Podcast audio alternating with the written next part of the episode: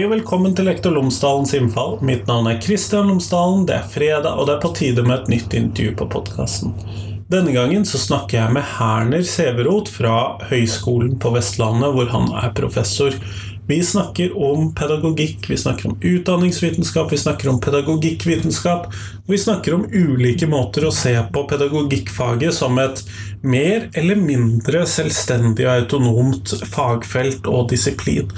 Vi snakker om hvordan kanskje pedagogikken har mistet status, hvordan kan den gjenvinne status, og hvorfor selvfølgelig det er viktig.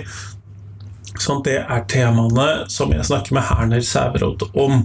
Og så er det jo selvfølgelig sånn at podkasten som alltid er sponset av Fagbokforlaget, og Fagbokforlaget utgir bøker og digitale læremidler for hele utdanningsløpet, fra barnehage til høyere utdanning og profesjonsstudier, samt norsk for minoritetsspråklige. Og Det siste året så har det kommet ut en rekke spennende titler til lærerutdanningen, og du har jo hørt meg snakke om disse før, og denne gangen skal jeg snakke om profesjonell muntlighet. Denne boken handler om stemmebruk, retorikk og diksjon, og den er skrevet for alle som lever av å snakke. Og det gjør jo lærere i høy, høyeste grad. Men hvis du sjekker ut på fagbokflagget.no, så kommer de stadig med nye læremidler, nye bøker, nye læreverk, nye alt mulig rart. Så følg med på fagbokforlaget.no. Men nå, nå skal du få høre meg snakke med Herner Sæveroth. Vær så god.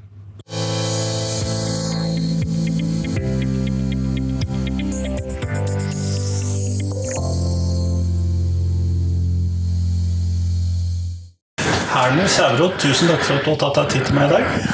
Jo, takk for invitasjonen. At jeg fikk eh, komme hjem til deg. Eh, før vi starter, så må vi nesten eh, la lytterne bli litt kjent med deg. Så kunne du fortelle tre ting om deg selv? Ja, da vil jeg begynne med det som betyr mest for meg. Familien. Jeg er gift, har fire barn. To jenter og to gutter. Ja, jeg må si at jeg føler meg ekstremt heldig som har denne fine gjengen. Det andre jeg vil ta opp, det er at eh, jeg har jobbet som lærer i skolen i mange år. Mest i ungdomsskolen. Så sånn sett vet jeg hvordan det er å stå bak kateteret. Det jeg husker mest fra denne tiden, er eh, alle de forskjellige og livlige ungdommene som jeg fikk jobbe med. Det var rett og slett en eh, fantastisk periode i livet. Og som eh, lærer i skolen så har jeg jo da ikke bare lest og skrevet om læreplaner, men jeg har faktisk praktisert dem også. Og så vil jeg si at jeg har vært så heldig at jeg fikk være allmennlærer. Hvor jeg fikk virke som en pedagog som så helhet og sammenheng mellom de ulike skolefagene og klassetrinnene. Så gikk jeg etter hvert over da til høyere utdanning, i en periode så var jeg førsteamanuensis i både norsk og pedagogikk. Og fra 2010 ble jeg professor i pedagogikk. Mine to fremste forskningsinteresser er det uforutsette og det indirekte. Begge knyttet da til pedagogikk. Men dette kan vi sikkert snakke mer om senere. Det skal vi prøve på. Ja. Og så er det sånn at uh, jeg noen ganger har blitt spurt om hva jeg gjør som professor. Da svarer jeg kort og godt at uh, jeg bruker nysgjerrigheten min. Og hva er nysgjerrighet, da? Jo, er ikke det ulydighet i sin reneste form? Jeg vil altså si at jeg er en som ikke tar noen ting for gitt.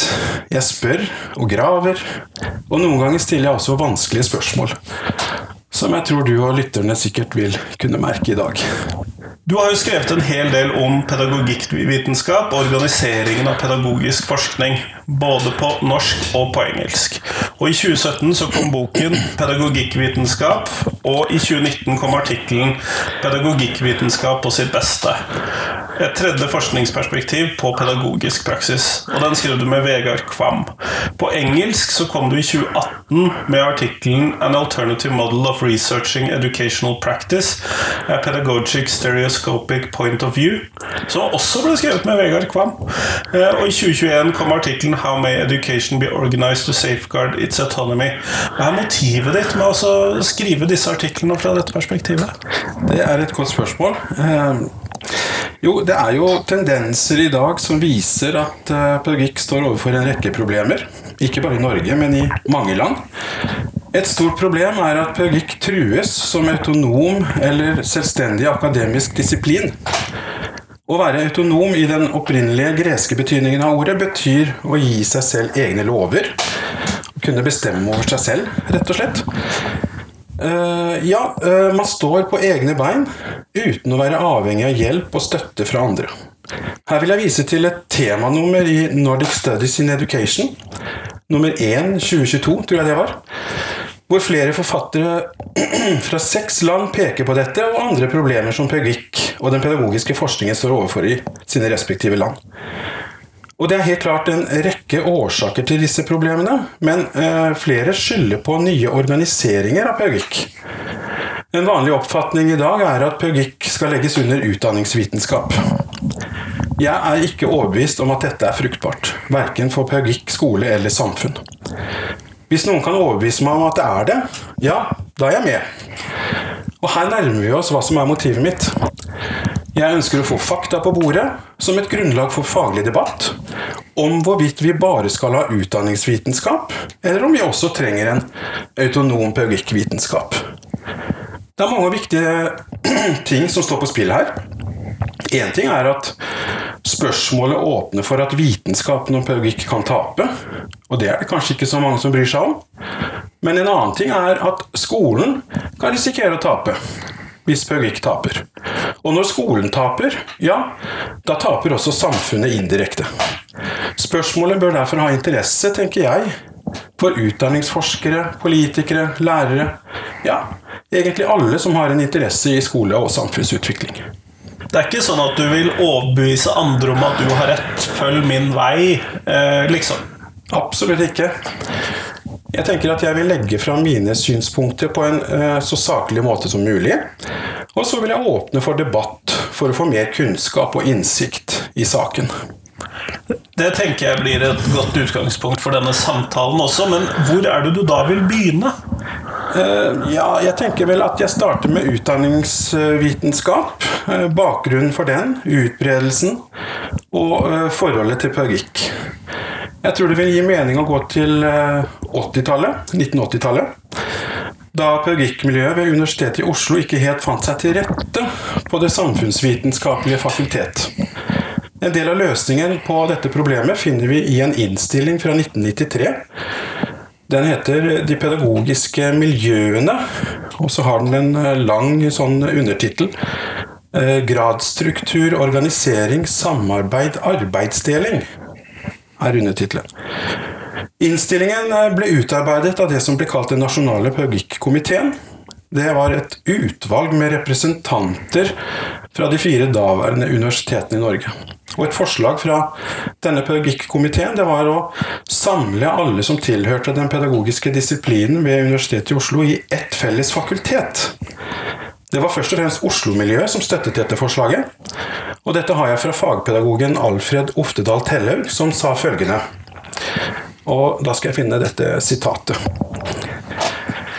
For i denne komiteen nøyde fagmiljøene utenfor Oslo seg med å ta forslaget om et felles fakultet til etterretning. For med denne ordlyden å markere sin motstand mot etableringen av en pedagogisk getto Sitat slutt. Ikke et overveldende positivt forslag? Nei, ikke fra den kanten. Eh, Tellaug og flertallet i pedagogikkkomiteen likte åpenbart ikke denne ideen da om at pedagogikkmiljøet i Oslo skulle isolere seg i eget bygg. Hva skjedde videre? Ja, da må vi gå til 1996.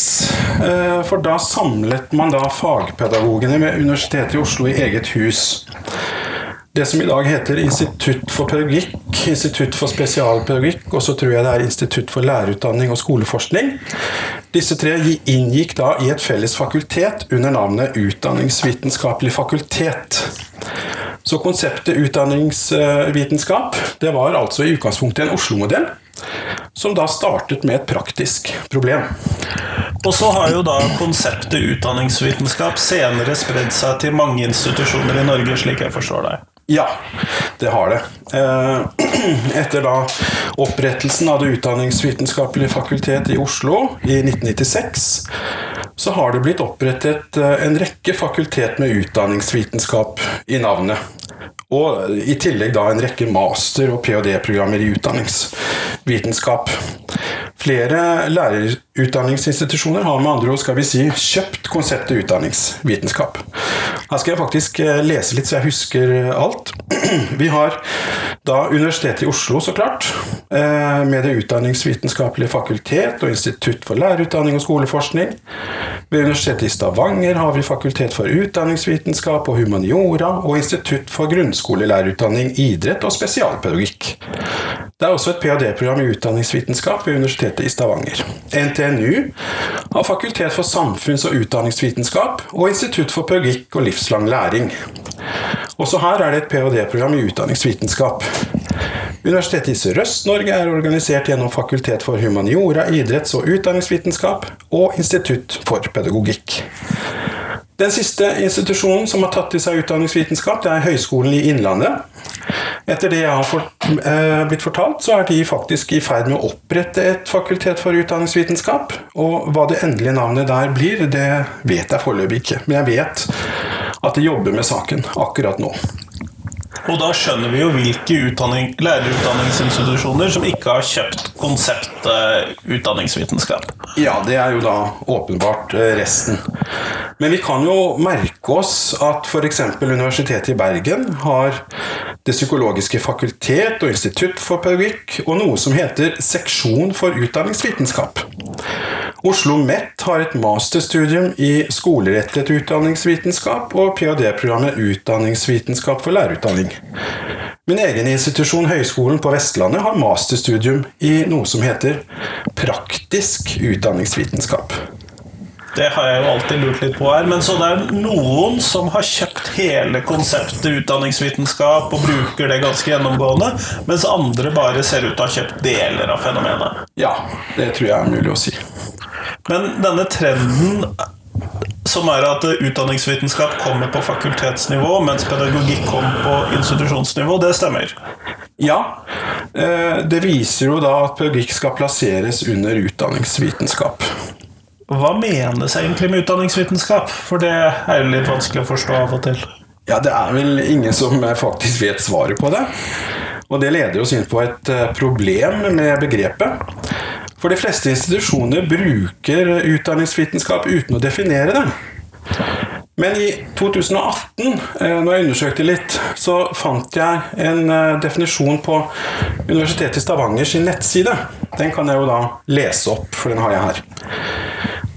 Utdanningsvitenskap tilsvarer den engelske termen 'educational sciences', som er et flerfaglig og tverrfaglig vitenskapsområde. Området dekker forskning forankret innenfor fagfelt som pedagogikk, spesialpedagogikk, fagdidaktikk, allmenndidaktikk og literacy. I tillegg dekker det forskning som er forankret innenfor fagfelt som utdanningspsykologi og utdanningssosiologi. Ja, og uh, i samme tidsperiode så fant jeg også på nettsiden til Universitetet i Sørøst-Norge et sitat fra en forsker som uttalte seg om utdanningsvitenskap. Uh, forskeren sa noe som dette. Uh, igjen da et sitat her. Utdanningsvitenskap er spennende fordi det er så sammensatt. I mitt arbeid må jeg ta i bruk kunnskap fra mange felt, som politikk og forvaltning, læringspsykologi, sosiologi, pedagogikk og fagdidaktikk. Sitat slutt. Ja, altså Utdanningsvitenskap, hvis vi skal si noe om dette, disse tingene, det rommer jo egentlig alt mulig. Og den som tar enten da master eller ph.d. i utdanningsvitenskap, ender opp med en litt av hvert kompetanse, vil jeg si. Du skal ha litt pedagogikk, litt didaktikk, litt psykologi, litt sosiologi, litt historie osv. Det er bare å gå inn og lese på nettsidene til de ulike institusjonene som har master- og ph.d.-program i utdanningsvitenskap, så ser vi det. Og jeg ser også det at hver enkelt institusjon har vilkårlig lagt inn innhold i sine master- og ph.d.-program i utdanningsvitenskap. Og Derfor finner vi ulike og sprikende oppfatninger av utdanningsvitenskap mellom de ulike institusjonene. Ved NTNU og Universitetet i Oslo oversettes f.eks. utdanningsvitenskap til Educational Sciences. Vi kan si at det er noe sånn flervitenskapelig. Men på Universitetet i Sørøst-Norge så bruker de da den engelske termen 'educational science'. Altså en skal vi si envitenskapelig eh, Et envitenskapelig område. For å bruke et litt merkelig ord. På meg så virker det som om utdanningsvitenskap er et litt sånn mystisk begrep som brukes uten at det helt avklares. Det er sånn sett ganske vanskelig å få grep om det eller forstå hva det skal være. Men kan du likevel på det lille grunnlaget vi har, sammenfatte hva som er kjernen i dette begrepet utdanningsvitenskap? Ja, det er jammen ikke lett, altså. Men jeg tror vi kan snakke da, hvis vi skal prøve å få en slags struktur her, snakke om fire kjennetegn. Eh, For det første så har vi jo da sett at utdanningsvitenskap det består av mange fag. Eh, Det andre det er at eh, pedagogikk er ett av flere fag som inngår i utdanningsvitenskap. Tredje punkt så kan det se ut da til at det stadig kommer nye fag inn i utdanningsvitenskap. Og for det fjerde så forskes det svært bredt. Eh, Med det mener jeg at eh, det forskes på nær sagt alle mulige gjenstander og tematikker innen utdanning som ingen heller egentlig vet hva betyr. Men er dette noe problem? Ja, det mener jeg. Utdanningsvitenskap eh, er noe jeg vil kalle for et containerbegrep, hvor alt mulig kan puttes oppi. Og nettopp den vagheten til begrepet gjør det særlig godt egnet for forskjellige vitenskapelige paradigmer, pedagogiske tilnærminger og interessegrupper innen utdanningspolitikk, kanskje særlig. Eh, Begrepet er jo da velegnet for å trumfe sine egeninteresser gjennom. Og hvis vi skal være helt ærlige, så er det vel strengt tatt ikke riktig å kalle utdanningsvitenskap en vitenskap. Eh, Jeg vil nesten si at det er noe sånn kvasivitenskapelig, eh, hvor det meste er udefinert, uklart og usammenhengende. Hvorfor tenker du at utdanningsvitenskap, utdanningsvitenskap da har blitt et paraplybegrep for fakulteter og studietilbud osv.? Ja, altså, Det som startet som et eh, praktisk problem ved Universitetet i Oslo, har etter hvert ført til andre årsaker til at flere da har valgt å bruke dette begrepet som betegnelse, da, som du sier, på fakulteter og studietilbud og sånne ting. Eh, Hvis vi søker opp utdanningsvitenskap i Store norske leksikon, så kan vi også se hva som står, og det er litt interessant. Skal vi lese litt her igjen. Det som ligger til grunn for valget av utdanningsvitenskap som fellesbetegnelse på norsk, er dels internasjonaliseringen, med engelsk som hovedspråk. Dels for å åpne opp for et bredere tilfang av tilnærmelser enn det som tradisjonelt blir regnet som tilhørende termen pedagogikk. Det var da slutt på dette sitatet. Eh, Selv om dette da står i et eh, leksikon, så er det vel egentlig bare en påstand, men den påstanden forteller oss da at årsaken er internasjonalisering og ønske om mer faglig bredde når det gjelder da undersøkelser av utdanningsfeltet. Desto mer, desto bedre, altså? Ja, eh, godt sagt. Ideen i påstanden er at eh, flere fag som er inne i forskning om utdanning, eh, da har vi altså et eh, kvantitativt fokus, vil på en eller annen måte være fordelaktig. Man kan si at det også ligger et kvalitativt fokus her, selv om det ikke sies noe direkte om at eh, et bredere tilfang av tilnærmelser skulle heve kvaliteten på forskning i et utdanningsperspektiv. Og det ligger vel også noe skjult i denne 'desto mer, desto bedre'-påstanden. Og dette skjulte sier noe om hva som kanskje er en enda mer grunnleggende årsak til hvorfor mange har et ønske om å bruke denne termen utdanningsvitenskap. Hva mener du?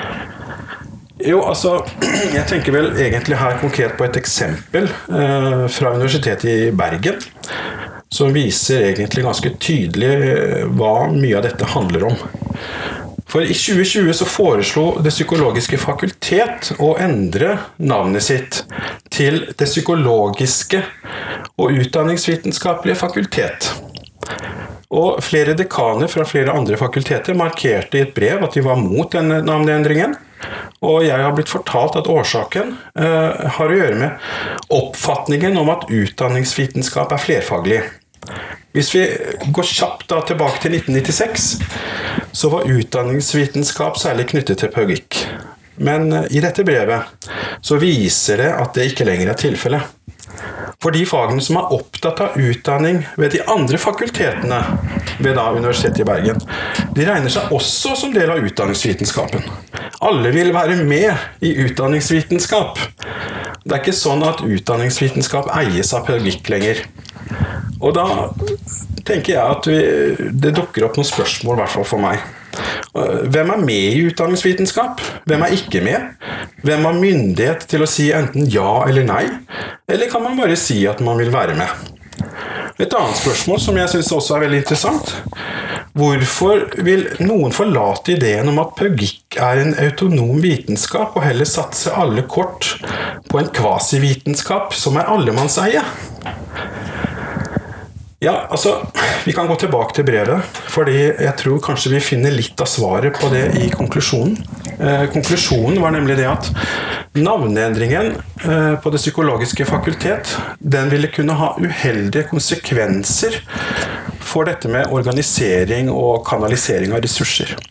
Det hele endte med at eh, det ikke ble navneendring, selv om de som skrev brevet åpnet for at eh, man godt kunne legge inn ordet 'pedagogisk' i navnet sitt. Men ordet pedagogisk, eh, det var nok åpenbart noe fagmiljøene ved Det psykologiske fakultet ikke ville ha. Siden ingen da får bruke utdanningsvitenskap som navn på sitt fakultet, så kan de andre fagmiljøene utenfor Det psykologiske fakultet, altså de som føler seg hjemme i utdanningsvitenskapen, nå puste lettet ut, for de kan jo fortsatt være med i kampen om utdelinger av ressurser i forhold til det som har med utdanningsforskning å gjøre. Så det er mange som vil bruke termen utdanningsvitenskap, og det at de vil det, så det handler om ressurser, økonomi, penger? Ja, det kan vi si.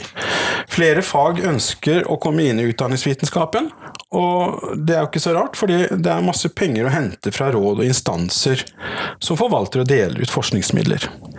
Eh, men spørsmålet er jo egentlig om eh, en sånn skal vi si, bakenforliggende økonomisk hensikt er til det beste for pedagogikk, skole og samfunn.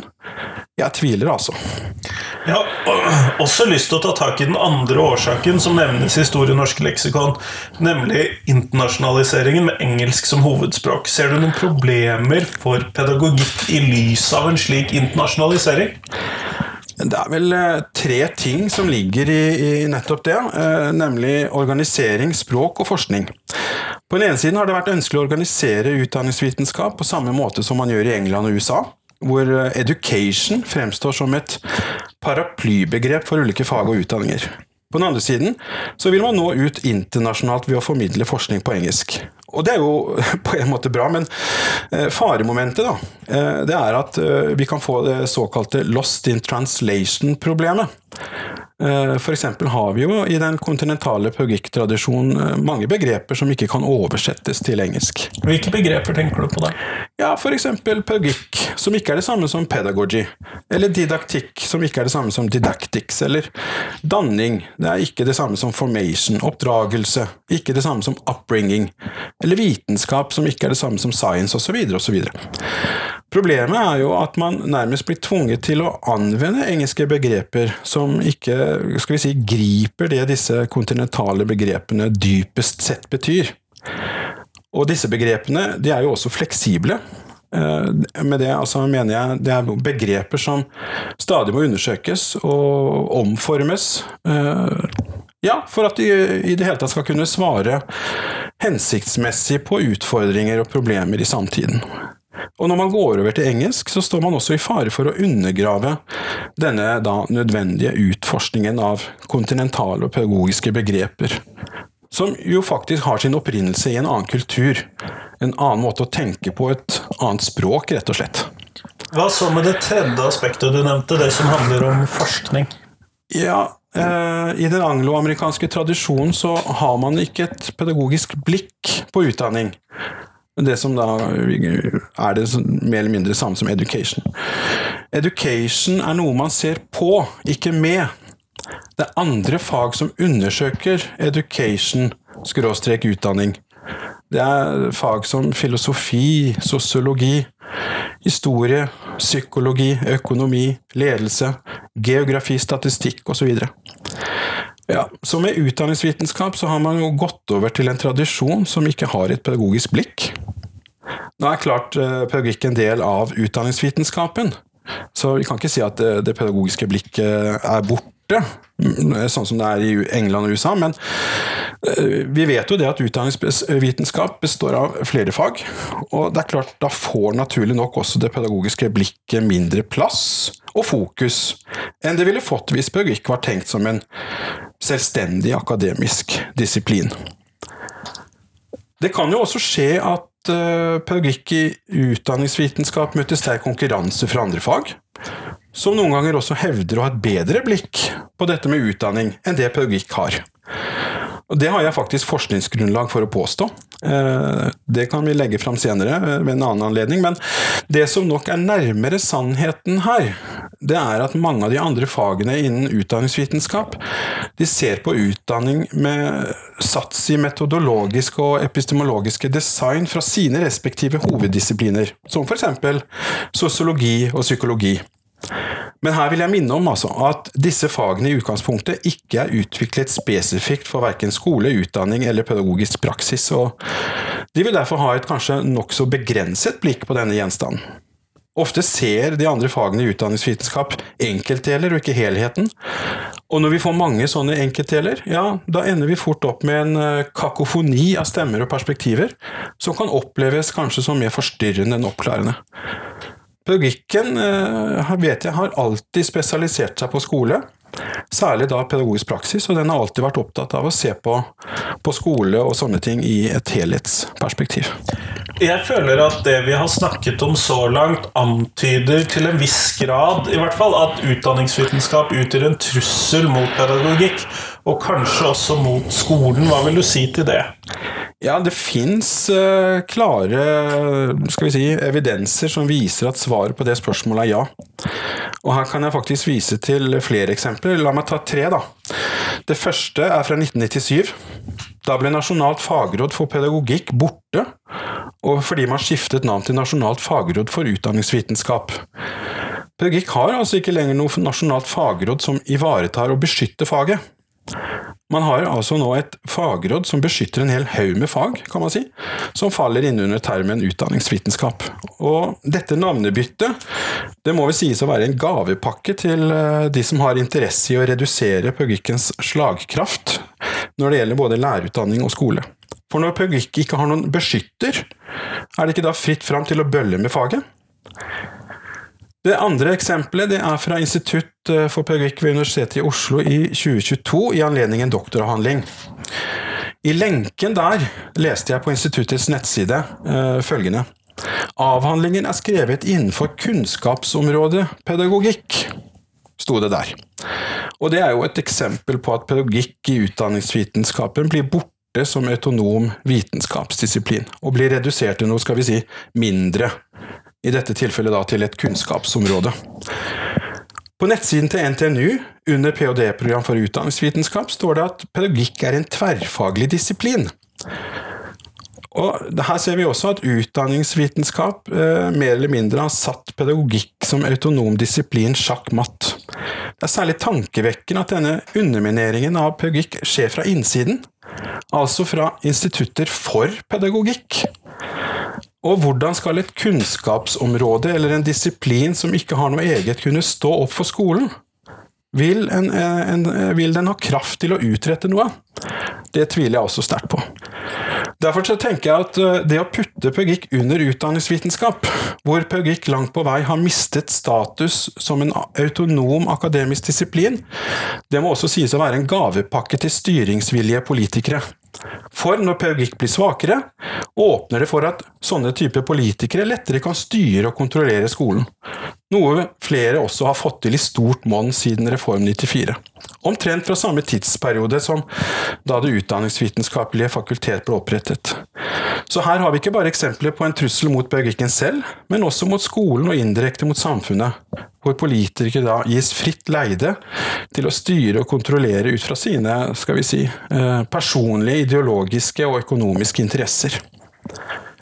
Det tredje eksempelet det har med ansettelsespolitikk å gjøre eh, i høyere utdanning. I de siste, eh, siste årene er disse basert på utdanningsvitenskapelige premisser. Det betyr rett og slett at man kan få stilling i pedagogikk i akademia uten å ha utdannelse i pedagogikk. Man kan også ta doktorgrad i pedagogikk uten å ha utdannelse i pedagogikk. Og siden det ikke har vært noen protester på dette, så skjer dette mer og mer. Man får da inn ulike fagfolk i pedagogikk, fagfolk som trolig vil sette sitt eget fag foran pedagogikkfaget. Når man ikke skal vi si, i utgangspunktet har pedagogikk, så vil man heller ikke kjempe for pedagogikk. Det er iallfall logisk å tenke sånn, men virkeligheten kan jo være annerledes, eh, selvfølgelig. Jeg føler at vi har fått et godt innblikk i begrepet utdanningsvitenskap. Så la oss nå snakke litt mer om pedagogikk og pedagogikkvitenskap. Først så må du jo Hvorfor anvender du ordet pedagogikkvitenskap? Hvorfor ikke bare bruke pedagogikk og pedagogisk forskning? Ja, jeg bruker mange ord, jeg, egentlig. Både pedagogikk og pedagogisk forskning, og til og med forskning i pedagogikk. Men i sammenhenger hvor jeg vil markere at pedagogikk er en autonom vitenskap, da bruker jeg ordet pedagogikkvitenskap.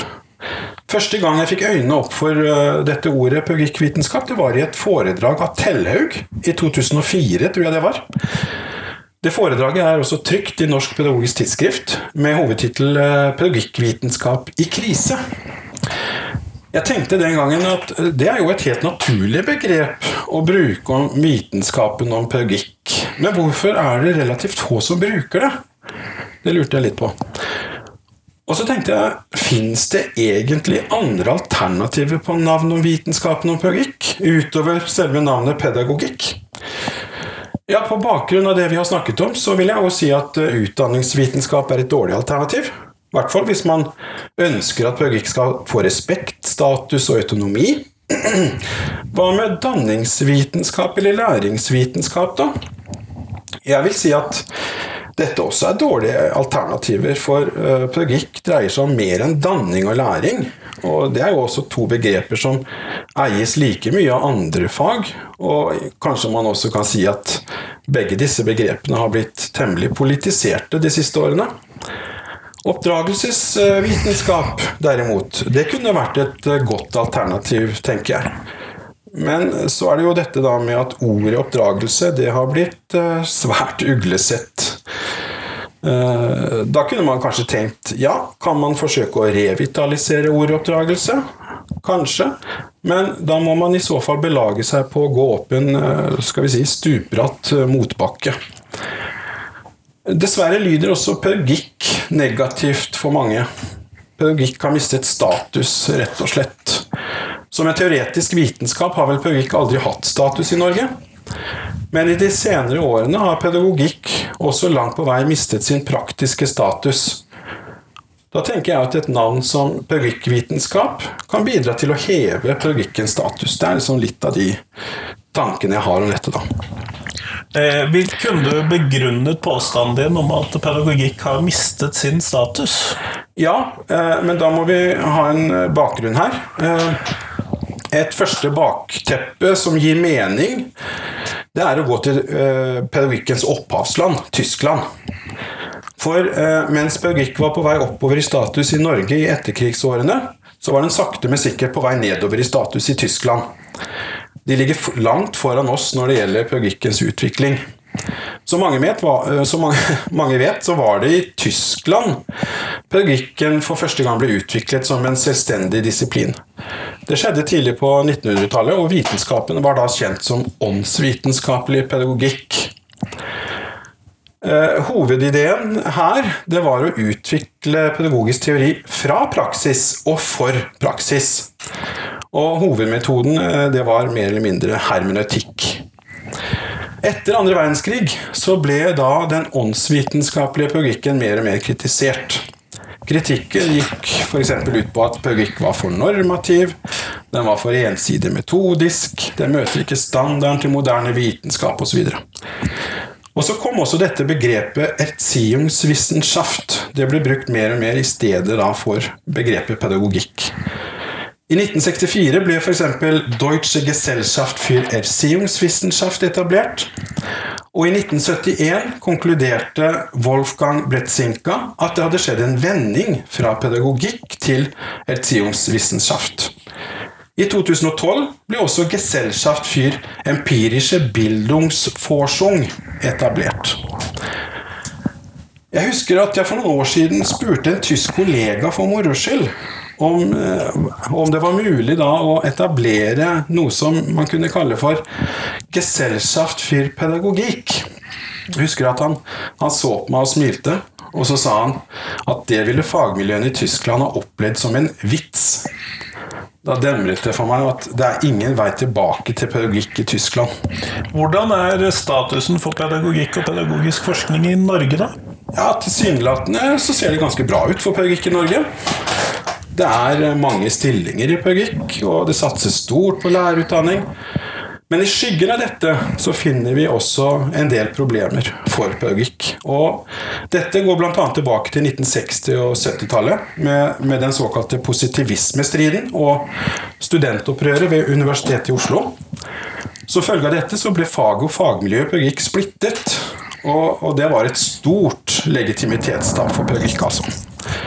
Og etter 1990 så har vi sett uh, egentlig en mangel på vitenskapsteoretisk debatt om pedagogikk.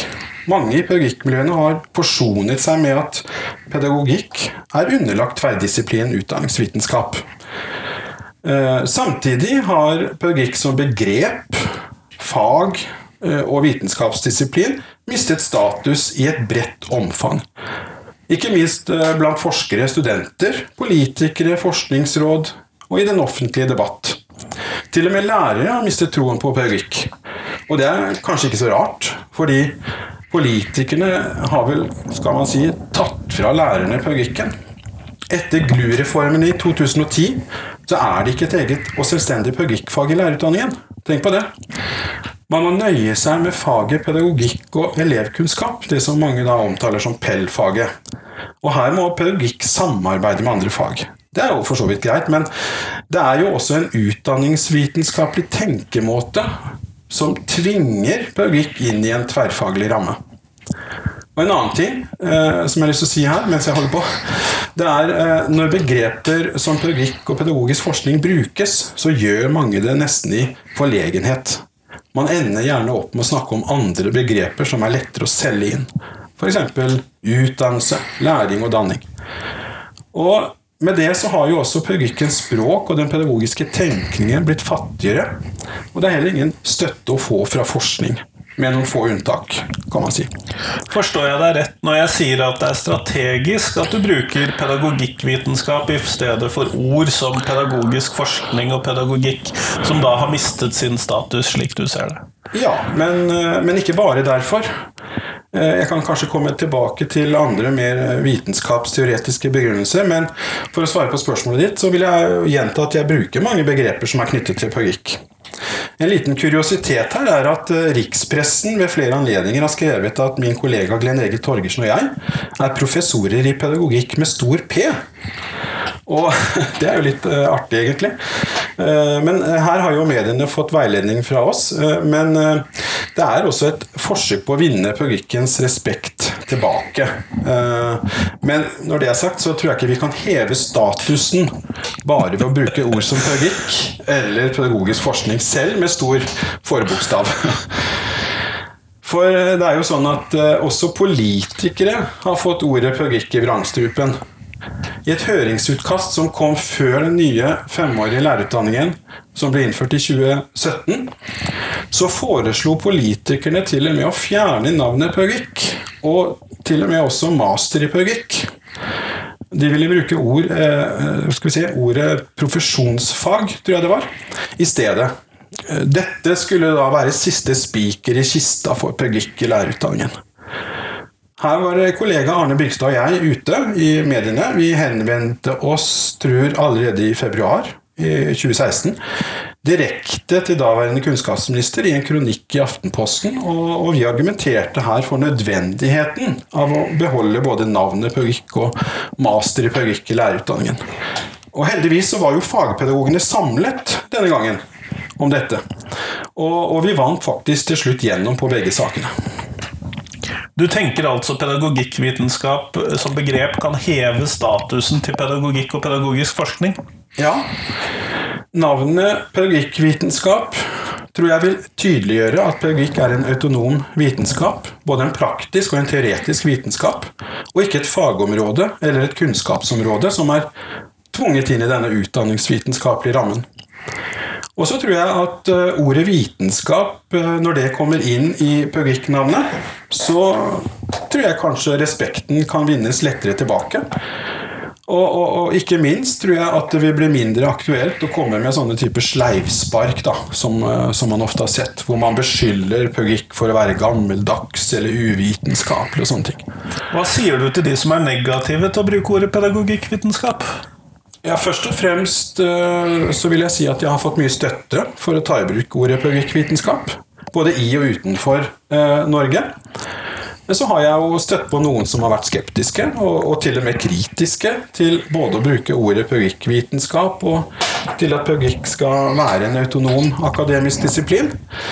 Men jeg har aldri fått noen kvalifiserte motargumenter, og, og jeg mistenker vel derfor, uten at jeg er sikker, selvfølgelig, at det mest dreier seg om at personlige interesser står bak denne skepsisen og kritikken. Eller det kan være at de rett og slett har misforstått meg, men da er det jo bare å spørre, tenker jeg. Og apropos spørsmål. Eh, her er det også noen spørsmål jeg har tenkt litt på. Hvorfor kan ikke pedagogikk gjøre det samme som andre disipliner som legger inn vitenskap i navnene sine? Som f.eks. idrettsvitenskap, litteraturvitenskap, musikkvitenskap, religionsvitenskap osv. Ja, det er, det er langt flere enn dette også. Eh, for det jeg har sett, er jo at eh, når man har eh, Ja, det er Hva skal vi si? Eh, å legge inn ordet vitenskap i navn på akademiske disipliner har vel kanskje blitt en trend, nesten, i både humaniora og samfunnsvitenskapene. Og det har det vel antageligvis gjort, ganske åpenbart kanskje, for å tydeliggjøre at de vil være vitenskapelige disipliner.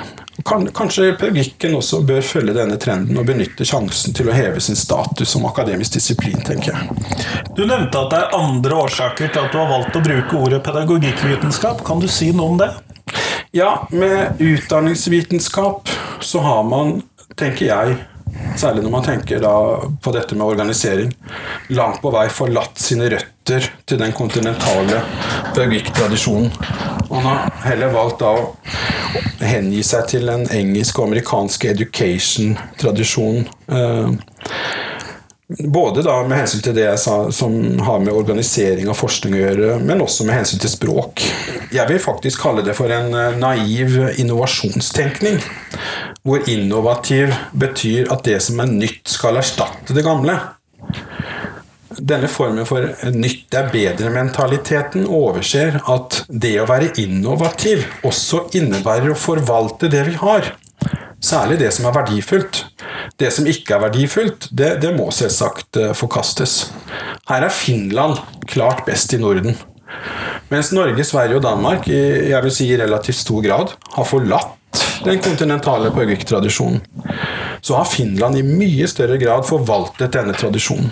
Jeg vil påstå at Norge har hatt for stort fokus på fornyelse, mens det jeg vil omtale som forvaltningskompetanse, har blitt uh, nedprioritert. Når det gjelder utdanning, så har vi særlig latt oss forføre, vil jeg si, av internasjonalisering, som i stor grad er det samme som å tilpasse seg til, eller kanskje vi kunne sagt underlegge seg, engelsk og amerikansk tenkning. Og på den måten så har vi jo lagt til side vårt eget. Og med det mener jeg den kontinentale pedagogikktradisjonen. Så har vi samtidig da innrettet oss mot en annen kultur og tradisjon ved å innføre da denne utdanningsvitenskapen. Men hvorfor, tenker jeg da, nye spørsmål fra meg. Ja, det er greit at du stiller de til deg selv. Ja, jeg stiller de til meg selv og egentlig alle. Hvorfor skal pedagogikk tvinges inn i en ramme som i utgangspunktet er unaturlig for pedagogikk? Hvorfor skal pedagogikk plutselig tvinges inn i det som på engelsk heter 'educational sciences', hvor det pedagogiske blikket ikke fins? Hvorfor skal pedagogikk presses inn i en fiks idé? Skal vi si En kvasivitenskap som er mer eller mindre allemannseie? Og hvorfor skal man herje med pedagogikk på denne måten? Hvorfor lar pedagogikkmiljøene, det lurer jeg på, med noen få unntak selvfølgelig, dette skjer uten verken motstand eller debatt? Ja, så, så, var det dette med språk. Eh, det har vi jo snakket litt om. Men eh, det er jo som man eh, vet når man skriver på engelsk. Så, så må man jo det hvis man vil nå ut til et internasjonalt publikum. Men, men det er jo denne faren da, som jeg nevnte, at tradisjonelle pedagogiske begreper kan gå i glemmeboken. Jeg tenker at pedagogikkvitenskap vil sikre at uh, disse begrepene vil ha en sentral plass i forskningen. Tror du ikke at det er mulig å få til også innenfor utdanningsvitenskapen som ramme? Jo, men uh, utdanningsvitenskapens organisering av forskning gjør at man gjerne er opptatt av andre ting. Utdanningsvitenskap det er jo, som jeg har sagt, det samme som educational sciences. Og det er interessant å, å, se her, fordi det er jo en flertallsform. Sciences. Eh, det indikerer at mange fag undersøker utdanning. Så utdanningsvitenskap kanskje burde mer hett utdanningsvitenskapene. Og i utdanningsvitenskapene er det pedagogiske forskningsblikket på utdanning kun ett blant flere forskningsblikk. Og det sier seg jo selv, det er vel nesten logisk å tenke sånn, at eh, det pedagogiske lett kan bli marginalisert, eller i verste tilfelle frafalle helt. Og dette tenker jeg ikke vil skje innenfor pedagogikkvitenskapen. Og det er jo da entallsform, ikke sant. Pedagogikkvitenskapen den er organisert sånn at eh, autonomien kan ivaretas. Pluss Eh, dette da med at den kan generere det jeg kaller for sterk og unik pedagogisk kunnskap og teori. Hvordan kan dette da skje? Hvordan kan man legge til rette for det?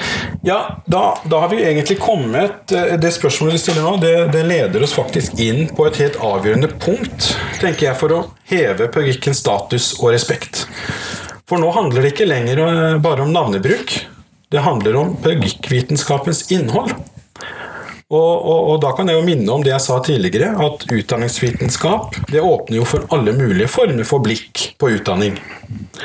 Uh, ja, hvor enkelte fag til og med hevder at de kan gi et bedre blikk på skole og utdanning enn det pedagogikk kan. Og det er nettopp uh, pedagogikkens forskningsblikk det i første rekke handler om å gjenvinne, tenker jeg. Man skal gjenvinne det, kvalifisere og oppfinne det på nytt. Og det har vært kjernen i min definisjon av pedagogikkvitenskap. Men for å få til det, da, da må vi tenke litt nytt. Eh, litt sånn eh, hva skal vi si, innovasjonstenkning, eh, hvor vi tenker nytt, men samtidig da forvalter det vi har. Det er, det er, de to tingene. Og i det hele tatt, jeg tenker vi må tenke pedagogikk i tre ledd her. Første ledd det er å ha klart for seg disiplinens forskningsobjekt. Og det er i dag relativt utydelig. Eh, og man kan tenke seg at det kan være forskjellige gjenstander eller objekter da, for pedagogisk forskning. Da jeg skrev boken 'Pedagogikkvitenskap' i 2017, så hadde jeg særlig fokus på den nye femårige lærerutdanningen. Og, jeg konsentrerte meg derfor om pedagogisk praksis som et prioritert forskningsobjekt for pedagogikkvitenskap. Og det, det, det, kan være viktig her å legge merke til at jeg nettopp sier pedagogisk praksis. For eh, hvis vi bare sier praksis, så vil man lett gå utenfor pedagogikkvitenskapens eh, domene. Pedagogikk, eh, pedagogisk praksis det er jo f.eks. noe helt annet enn praksisen til en sykepleier.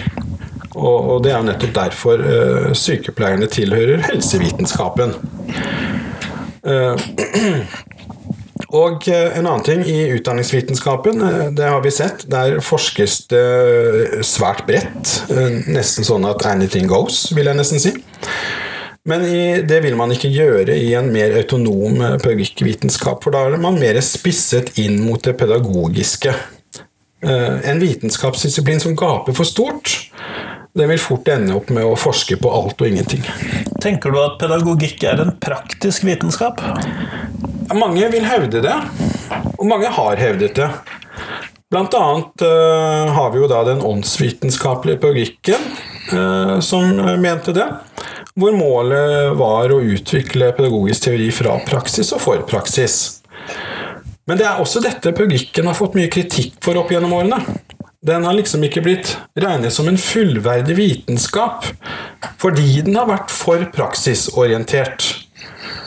Eh, men pedagogikk er kun en praktisk vitenskap hvis vi stopper ved andre ledd. Og da, hva er andre ledd? Ja, Det er den kunnskapen, og til dels teorien, kunne man sagt, som utvinnes på grunnlag av den pedagogiske praksis.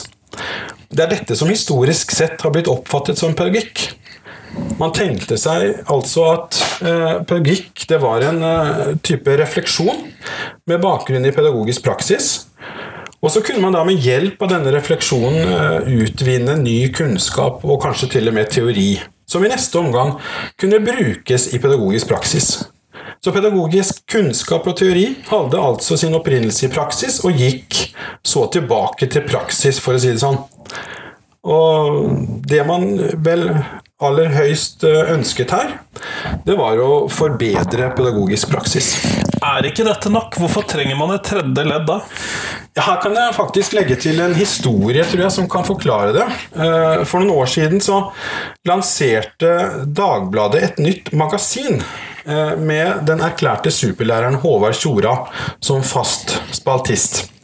I første magasinet så kunne vi lese på forsiden der 'Slik lærer barna mest'. Tjore hadde kommet fram til dette gjennom egne erfaringer og refleksjoner fra egen undervisningspraksis.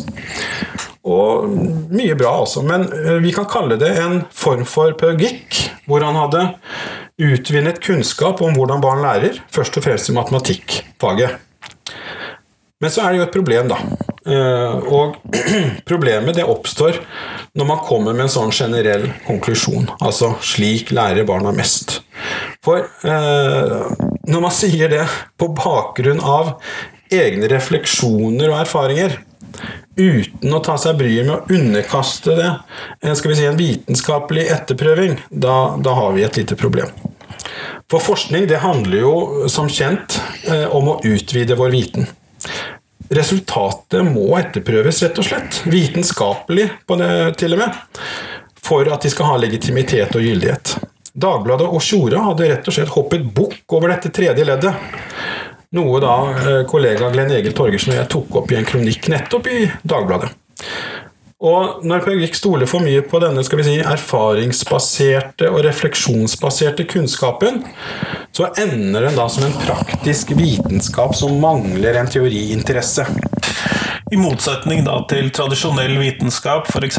åndsvitenskapelig pedagogikk, så tenker du at pedagogikkvitenskap både er en praktisk og en teoretisk vitenskap, eller hva? Ja. Sånn som jeg ser det, med vitenskapsteoretiske briller. I, i, I første og andre ledd så er den praksisorientert. Men vi trenger et tredje ledd som kan heve statusen til pedagogikk. I tredje leddet så går pedagogikk over til å bli en fullverdig vitenskap om pedagogikk. Derav navnet pedagogikkvitenskap. Sånn tenker jeg også.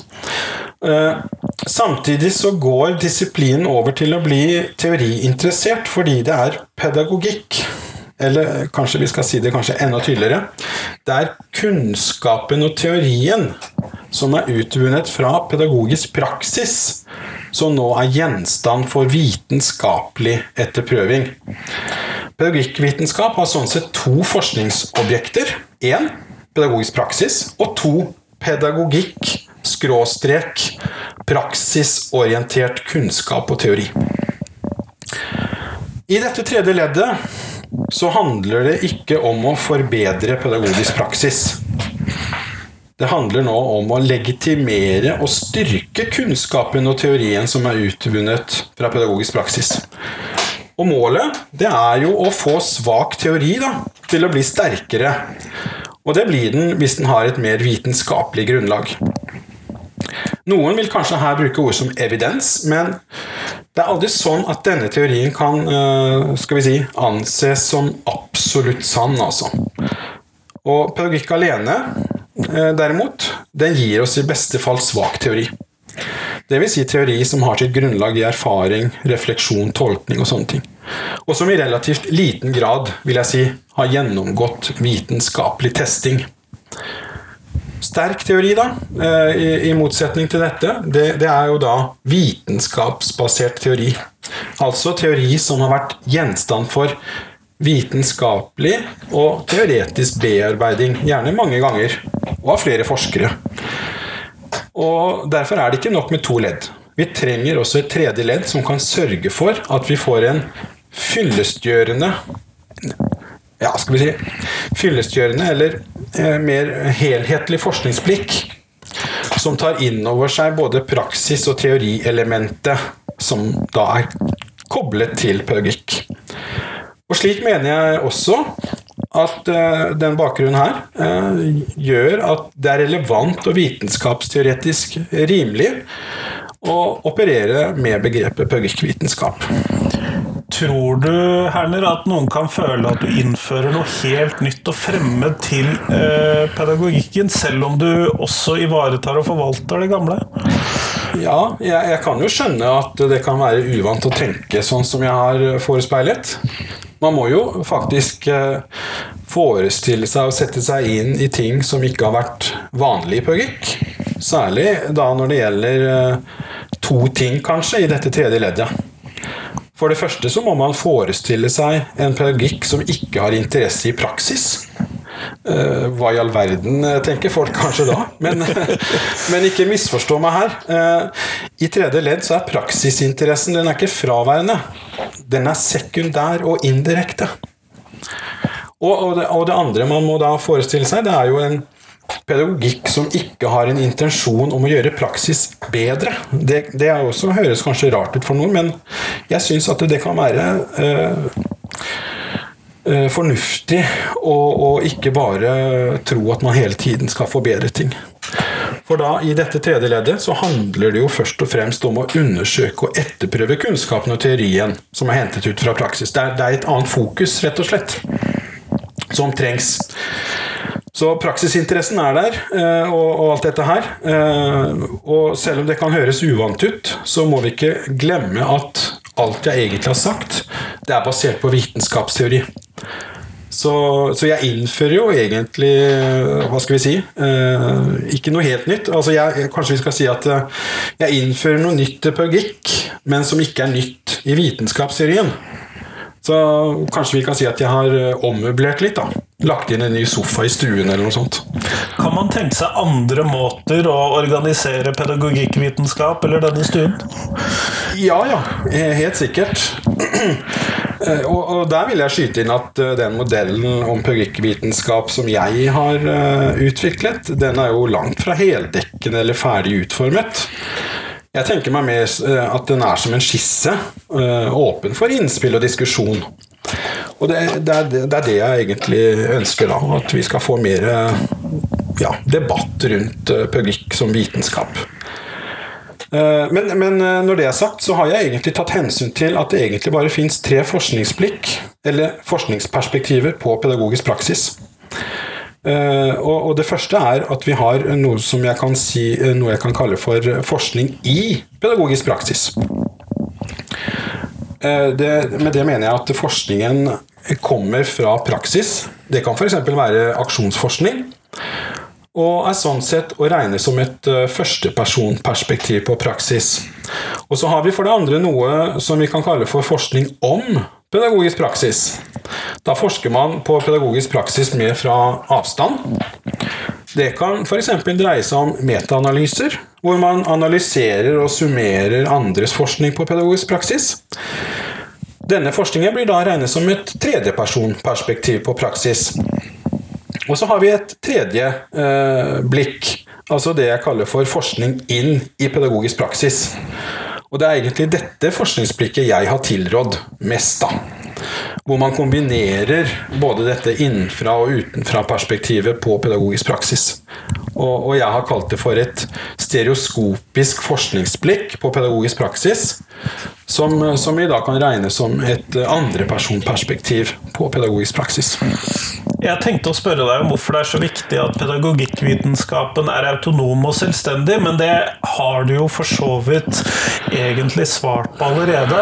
Og det er for å sikre et særegent pedagogisk blikk på skole og på pedagogisk praksis, og hvor pedagogikken ikke mister seg selv i tvungent samarbeid eller eh, konkurranse med andre fag. Har jeg forstått deg riktig da?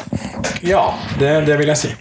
Uh, men, men jeg tror vel også at en autonom pedagogikkvitenskap kan utnyttes til fordel for både elever, lærere og samfunn. Den kan f.eks., og her, her, tenker jeg tilbake til noe den tyske fagpedagogen eh, Erich Weniger en gang sa. Den kan anvendes som et grunnlag for å beskytte elever mot uh, sånne ting som tvang, instrumentalisme eller urettferdighet. Dette tror jeg ikke utdanningsvitenskapen vil kunne få til pga. den flerfagligheten. Samtidig eh, kan man tenke seg at en autonom pedagogikkvitenskap kan være til støtte og hjelp for lærere, og, og vice versa. Og, og, kanskje kan den bidra til at lærerne kan få pedagogikken tilbake, men da med enda mer kraft og vitenskapelig tyngde enn det den har hatt. Eh, her kan jeg også skyte inn eh, ny forskning som jeg kjenner til. Eh, den indikerer faktisk at en pedagogikkvitenskapelig modell kan bidra til at det skapes likeverdige og fruktbare samhandlingssituasjoner mellom lærere som forskere og forskere fra høyskoler og universitet. Og så er det sånn at uten en autonom pedagogikkvitenskap så, så vil, eh, vil, det pedagogiske språket etter hvert bli svakt og lite utviklet. Eh, det er, eh, det er, sånn det er. Og det vil samfunnet tape på. Hvorfor sier jeg det? Jo, jeg tenker at samfunnet da vil være dårlig rustet til å avsløre pedagogiske feilslutninger. Og ikke bare det, men også skal vi si, spore og utvikle pedagogiske muligheter i forskjellige deler av samfunnet. For det er ikke sånn at pedagogikken bare befinner seg i skolen. Den er jo overalt i samfunnet, egentlig. Vi kan bare ta noen eksempler. Den er jo i mediene, den er i idretten, beredskap, krisekommunikasjon, restaurantkjøkkenet osv. osv. Og så må vi eh, kanskje oppklare en mulig misforståelse her. For jeg har jo brukt uh, ord som autonom og selvstendig. Uh, men det er jo Det vil jeg understreke. Det, det har jeg gjort for at uh, man ja, skal ha en selvstendighet til pedagogikk. Og det er én ting, men, men, en annen ting er at man da også må være åpen for at pedagogikkvitenskapen kan ha skal vi si, vitenskapelige deldisipliner. Det kan f.eks. være allmennpedagogikk. Men også mer spesialiserte forskningsblikk er jeg åpen for, som f.eks. er særlig innrettet mot eh, psykologiske eller historiske perspektiver. Det jeg er kritisk til, det er vel at pedagogikk skal være helt avhengig av å låne kunnskap og teori fra andre fag og disipliner. Det er noe man for så vidt har gjort i pedagogikk helt tilbake til Helga Engs dager eh, ved Universitetet i Oslo, men, men, på den tiden så lånte man særlig kunnskap og metoder fra psykologi. Eh, senere, etter dette studentopprøret som jeg nevnte, så, så, så ble bl.a. sosiologi med fremtredende i pedagogikken. Ja, i enkelte omstendigheter så kan det kanskje være nødvendig å ta hjelp fra andre fag, men, men det må i så fall være hensiktsmessig med hensyn til det man undersøker. Det nye nå, da, det er at utdanningsvitenskap åpner denne slusen helt, eh, kan vi si. Den åpner opp for kunnskap teorier og metoder fra en rekke fag. Vi, husker jo tilbake til det her 'desto mer, desto bedre'-påstanden som vi snakket om. Uh, slik uh, er jo da faren for at man ender med hva skal vi si, en ureflektert eklektisisme, hvor man henter inn alt mulig fra andre. Hva tenker du er konsekvensen av å gjøre det? Jeg vil si at det er flere konsekvenser. Kan du kanskje peke særlig på to, da. Den ene konsekvensen er at pedagogikk kan bli kolonisert fordi man låner ting utenfra. Bekymringen for kolonisering av pedagogikk den er jo absolutt ikke ny. Den går tilbake til eh, tidlig på 1800-tallet hos Herbart. Eh, han tok til orde for at pedagogikken burde få rom til å kultivere en selvstendig tenkning, i stedet for å bli, som han sa, dirigert av en fremmed som en fjern erobret provins, tror jeg han sa. Til og med John Dewey delte denne bekymringen, enda han tilhørte den amerikanske utdanningstradisjonen. Han eh, tok til orde allerede i 1929, tror jeg det var, for at education skulle være en autonom disiplin. Altså den skulle være fri til å utvikle og bestemme over seg selv, uten å måtte være avhengig av å låne alt mulig fra andre fag. Men som vi har snakket om, det gikk vel ikke akkurat som Dewey foreslo, og det har også etter hvert gått eh, dårlig med Herbarts anbefaling. Så har vi da den, eh, over til den andre konsekvensen, og den hører vel også sammen med den første. Det er at man fort kan ende med det jeg vil omtale som pedagogikkglemsel. Vil si at det som har med pedagogikk å gjøre, det går i glemmeboken. Man kanskje tror at man holder på med pedagogikk, mens man egentlig holder på med noe helt annet. Er det i det hele tatt mulig å bedrive pedagogikk uten å forholde seg til andre disipliner? Mange tror kanskje ikke det er mulig, men det er faktisk det. Og jeg tror et av problemene det er at vi i Norge ikke har tradisjon for det man i Tyskland omtaler som pedagogisitet. Kanskje vi kan si pedagogisering på norsk. Eh, Med det mener jeg at eh, det er noe som er særegent for pedagogikk, og som utgår fra pedagogikkens egen logikk. Klaus Pranges søken da etter unike og, og særegne operasjoner for pedagogisk handling er et godt eksempel. Pranger fant at peking, altså pekefingeren, da, eh, er pedagogikkens grunnleggende operasjon og gest. Og fra dette utviklet han en pedagogisk teori. Jeg tviler sterkt på at pedagogisering vil være et fokus i utdanningsvitenskap, eh, fordi der verdsetter man vel tverrfaglighet høyere enn faglig utvikling. Men hvis man vil utvikle pedagogikk som en autonom akademisk disiplin, så må man ha mer fokus på pedagogisering, og, og samtidig passe seg for eklektisisme, kolonisering og pedagogikkglemsel.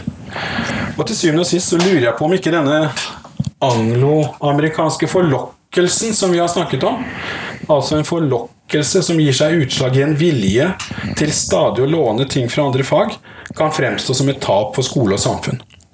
Tapet, tenker jeg, det har sammenheng med at man verdsetter andre mer enn seg selv.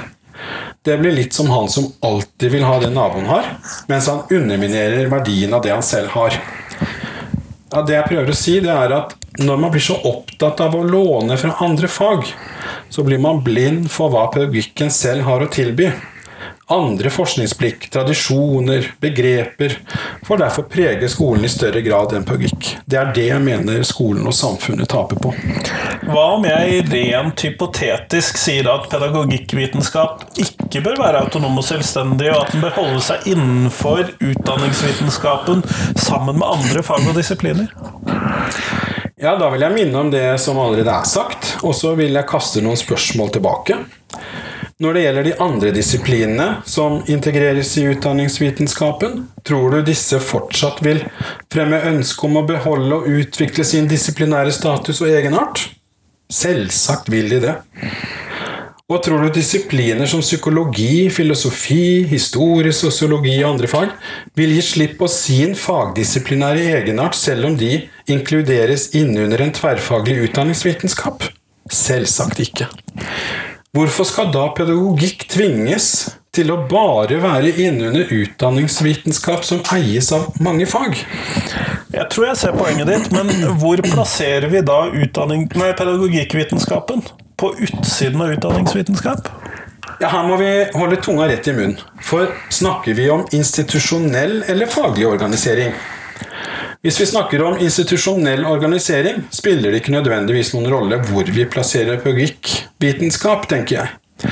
Pedagogikkvitenskapen vil ikke nødvendigvis lide av å bli plassert under et fakultet for utdanningsvitenskap, selv om selvfølgelig faren er at man i utgangspunktet da får et uh, utdanningsvitenskapelig perspektiv.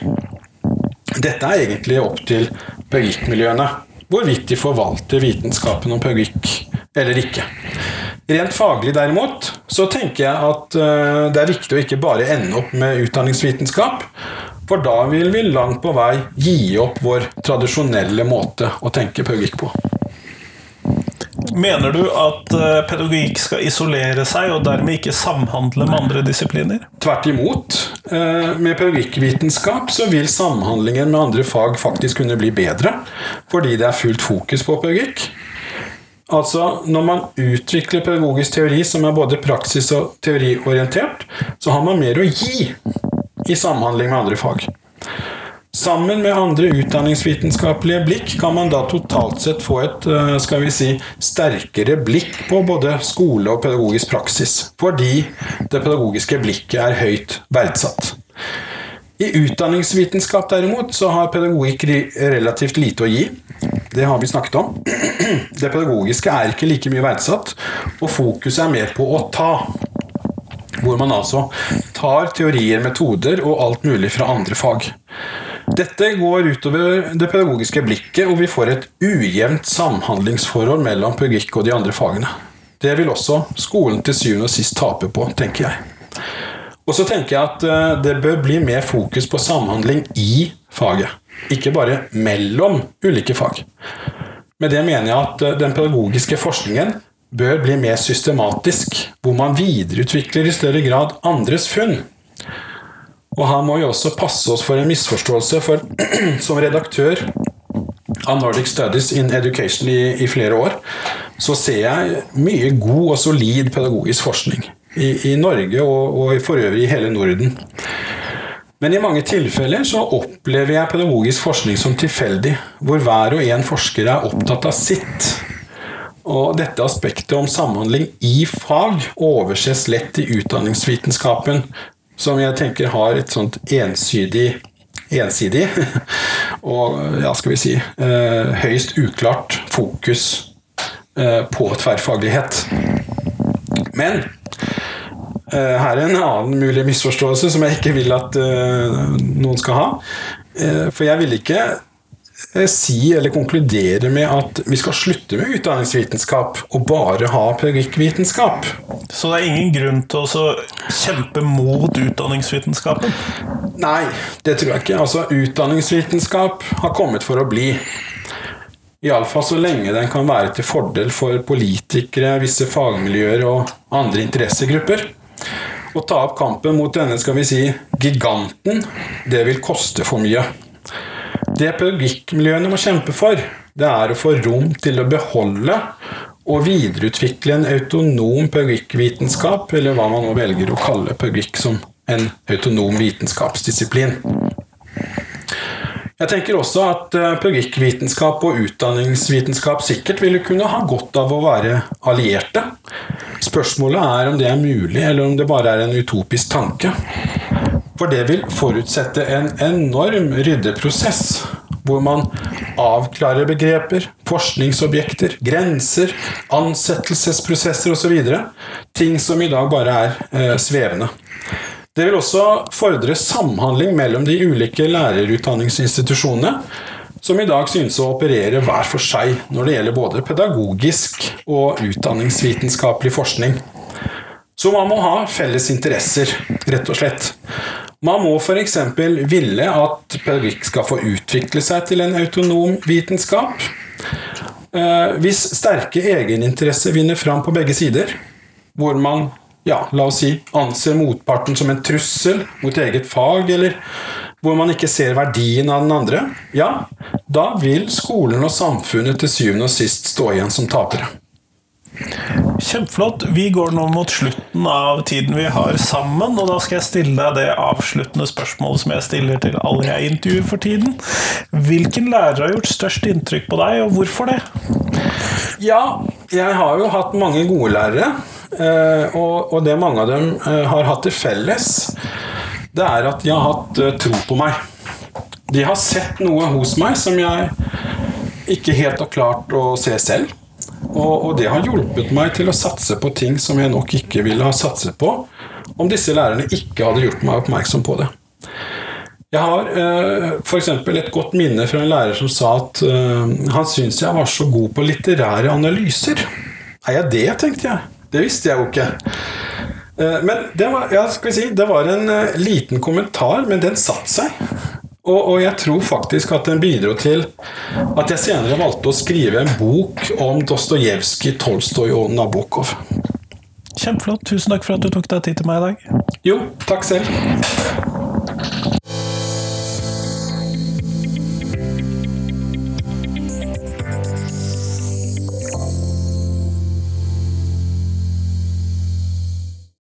Tusen takk til Herner, og tusen takk til deg som hørte på. Nå er det fram til tirsdag, så kommer det et nytt intervju på podkasten.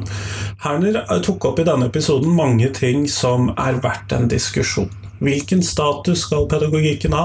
Er det et kunnskapsområde innenfor et emne eller innenfor et større emne, eller er det en selvstendig vitenskapelig disiplin? Og gir dette skillet en mening? Er det et poeng å skille mellom utdanningsvitenskap, eller er det ikke det? Sånn at her tenker jeg at noen er nødt til å melde seg på denne diskusjonen. Og det kan jo selvfølgelig gjøres som vitenskapelig ansatte fort gjør. Enten å skrive om det i et eh, tidsskrift, eller at det skal sendes inn til Krono, eller hvilket eh, magasin, avis man foretrekker å skrive det inn. Eller du kan sende meg et forslag til en eh, podkastepisode. For da, da, snakker jeg gjerne med deg å, for å løfte denne debatten videre. Hva tenker du ellers om dette? Jeg tar gjerne imot respons også, hvis man bare har litt sånn kortere respons til pedagogikkvitenskap som tema. Så kanskje jeg kan lese det opp. Jeg har jo gjort det før, lest opp uh, tilbakemeldinger jeg har fått. Så gjør gjerne det. Det så vil jeg synes er spennende. Men nå, nå er det fram til tirsdag. Da kommer det et nytt intervju på podkasten.